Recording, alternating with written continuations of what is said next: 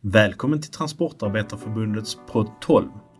Detta är ett av tre specialavsnitt där vi sänder ljudet ifrån fackliga utskottet i Vänsterpartiet Malmös filmer ifrån första majveckan. Detta avsnitt handlar om arbetsmiljön på arbetsplatserna och skyddsombudens ställning.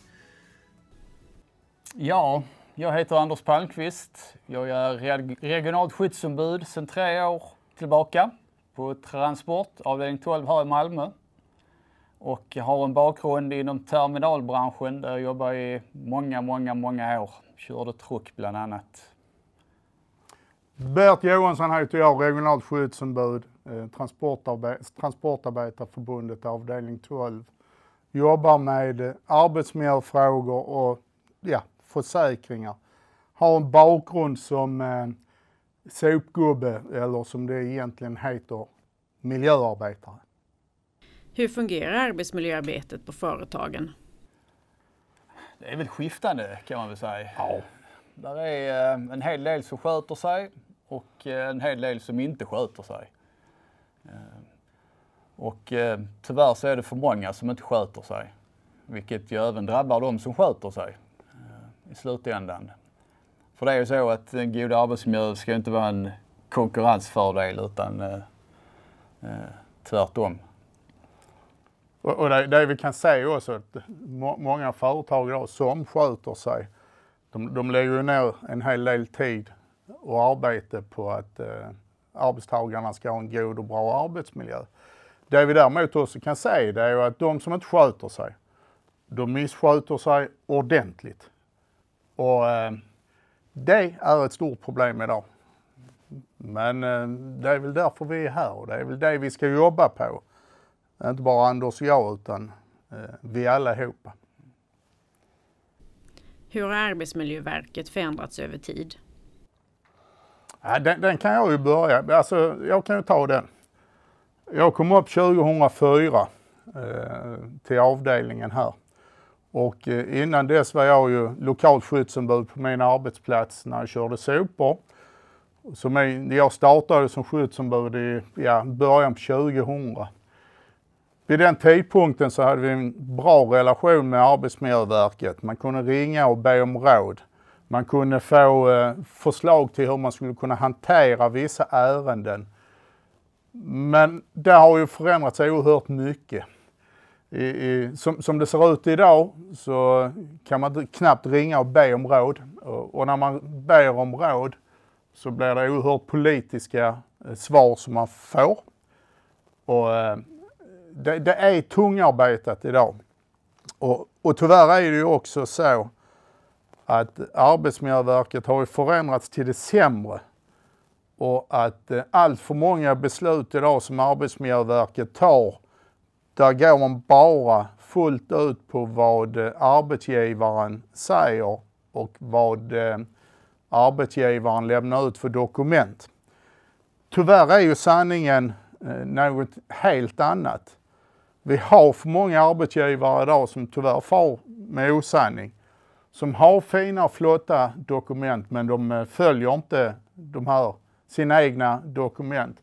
Och tyvärr sväljer ju Arbetsmiljöverket det när de tar sina beslut. Tidigare var det väl också så att eh, de, där fanns en förståelse för att eh, de lokala skyddsombuden de kanske inte skrev eh, korrekt alla gånger eller att eh, man kanske gjorde fel hänvisning när det gäller AFSar och lagstiftning. Men det har blivit mer och mer att det ska vara rätt juridik och rätt hänvisningar. Eh, och idag är man inte så hjälpsam som tidigare. Vem tar besluten på Arbetsmiljöverket och varför? Ja, det är egentligen en jättebra fråga det där. Eh, vem, vem som tar besluten? Ja, det är ju juristerna. Eh, Arbetsmiljöverkets inspektörer kommer ut, gör en bedömning, tar med den här eh, bedömningen och, och skriver ett, bland annat ett inspektionsmeddelande. Kan även vara en underrättelse. När det så väl ska tas ett eh, skarpt beslut så, så lämnar man över det här ärendet till juristerna och sen så tar eh, juristerna ett beslut. Problemet med det, det är ju att inspektörerna många gånger har varit ute på plats och sett hur verkligheten ser ut. och därmed kan bilda sig en egen och många gånger en korrekt bedömning på eh, vad problemet är. Men detta har ju inte juristerna en susning om överhuvudtaget, utan de går bara in och, och, och läser i en ja, lagbok, det vill säga arbetsmiljölagstiftningen. Och sen så gör de en egen bedömning och tyvärr är den bedömningen i mångt och mycket otroligt dålig.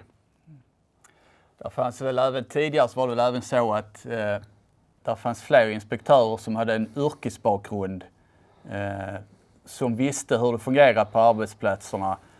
Eh, idag läggs det större vikt vid att man ska ha rätt akademisk utbildning. Men, eh, och då, då, mister, då mister man en bit. När sen då juristerna kanske inte har de kunskaperna heller så blir det ju att besluten de blir ju inte så välgrundade alla gånger ur vårt perspektiv. Mm. Hur skulle vi vilja att systemet fungerar och vilken roll borde Arbetsmiljöverket ha? Alltså, så, ja, utifrån mitt perspektiv att säga det så fungerar ju systemet bra som det gör idag. Och under förutsättning att man följer det som står i lagstiftningen, det vill säga arbetsmiljölagen. Eh, så för min del behöver man inte göra så stora förändringar. Däremot, precis som Anders har varit inne på, så måste man ha inspektörer och jurister som har någon form av branschkännedom så att man vet vad det är man pratar om innan man tar sitt beslut eller inför att man ska ta ett beslut. För just branschkännedomen är oerhört viktig. Eh, det, det, är ju så jag skulle vilja ha det i alla fall. Mm. För så, som det funkar idag fungerar det absolut inte. För det är för många akademiker som eh, tar beslut på någonting som de inte har en aning om. Jag skulle vilja säga att, att eh, som Bert var inne på också, att inspektörerna har mandat att ta besluten. Det vi kan säga är att en inspektör kommer ut och, och gör en bedömning, skriver ett bra inspektionsmeddelande där man skriver ner vilka riskerna är och vad som behöver göras åt dem. Sen när det här hamnar hos jurist och närmsta chef och som ska ta beslut, då blir det ett helt annat be beslut. Och eh, det blir ju väldigt konstigt. En inspektör ska ju ha den befogenheten, de, de kunskaperna att kunna ta besluten. Varför ska de behöva dra det för en jurist eller närmsta chef? Vad vill Svenskt Näringsliv förändra och, och varför vill de det? Jo, man vill göra en förändring att man ska inte kallas för skyddsombud utifrån lagens mening, det vill säga arbetsmiljölagstiftningen. Och vad är det man vill förändra? Jo, man vill förändra utifrån perspektivet att man ska göra det lättare att utse eller välja skyddsombud på arbetsplatsen. Som det är idag så, så är det ju nominering och val på arbetsplatsen och sen är det en eh, fackliga organisationen som utser skyddsombuden. Och i och med att det är den eh, fackliga organisationen som utser skyddsombuden så blir det betydligt mycket starkare också eh, för arbetstagarna. Och då är det ingen individ som är oerhört tillmötesgående mot arbetsgivaren. Utan då är det en person som vågar och kan driva frågor, arbetsmiljöfrågor, förbättringar för sina arbetskollegor och den är jätteviktig att vi behåller. Den är oerhört viktig att vi har kvar det systemet. Annars är risken jättestor att vi får tysta arbetsplatser. Vad vill då de politiska partierna förändra i dagens system och varför? LOM skrev tillsammans en debattartikel i Aftonbladet där man eh, uttryckte att man tyckte att det här med regionala skyddsombuden var ett socialdemokratiskt särintresse. Eh, I den här debattartikeln så konstaterar man att det finns omfattande problem med trakasserier, mobbing, psykisk ohälsa på arbetsplatserna idag. Anställda i hela Sverige ska kunna tipsa eh, om arbetsplatser där det inte fungerar med arbetsmiljöarbetet, där det finns brister i arbetsmiljön. Då får göra det lättare för myndigheter att kunna agera. Vilket i min värld blir väldigt konstigt för det finns ju redan en myndighet som ska verka och agera i de här fallen, nämligen Arbetsmiljöverket. Så finns det så stora problem med mobbing, trakasserier och eh, psykisk ohälsa så får man väl ge uppdraget till Arbetsmiljöverket att ta tag i det i så fall. Har du någonting att tillägga på det Bert? Och vad, vad mer är det egentligen, de, eller vad, vad, är det egentligen uh, utöver det Anders har sagt som man för, vill förändra? Jo, helt krasst så vill man ju försvaga skyddsombuden och skyddsarbetet på, på företagen. Alltså, an, eh, vi i vår roll, vi vill ju ha en konkurrensneutralitet bland våra företagare. Och då innebär det att eh, vänstersidan vill ju gärna ge de regionala skyddsombuden utökat mandat så att vi skulle kunna komma in på företag utan kollektivavtal för att påtala fel och brister. Men av någon egendomlig anledning så ville ju inte eh, L och M detta. Utan tvärtom så, så vill man med, med hela högersidan i beaktande att dra ner på rättigheterna för de regionala skyddsombuden. Man vill göra de regionala skyddsombuden till eh, någon form utan, utav eh, eh informationsindivider. Där, där vi som regionala skyddsombud ska gå ut och bara informera att så här kan man göra, så här kan man göra, så här bör man jobba och så vidare och så vidare. Men man vill ha man vill inte att vi ska vara ute på arbetsplatserna och driva frågor. Man vill inte att eh, vi ska ha ordning och reda på våra arbetsplatser. Eh, man vill inte att de anställda i företagen ska ha en bra och trygg arbetsmiljö. För om de hade velat detta, ja då hade man ju också sett till så att man som regionalt skyddsombud får möjligheten att komma ut på företag som inte har ett kollektivavtal. Det innebär också, det högersidan säger och är inne på, det är att man vill inte ha en konkurrensneutral arbetsmarknad. För man ska kunna konkurrera om arbetsmiljön. Man ska kunna kasta ut folk som inte klarar av arbetstempot. Utan det ska man bara byta ut de individerna. Och varför man vill ha det så på det viset, det kommer jag aldrig någonsin förstå. Men vi ska inte glömma bort, vi har många jättebra arbetsgivare som sköter sig och, och bedriver ett jättebra arbete. Och det tycker jag man ska ta i beaktande också.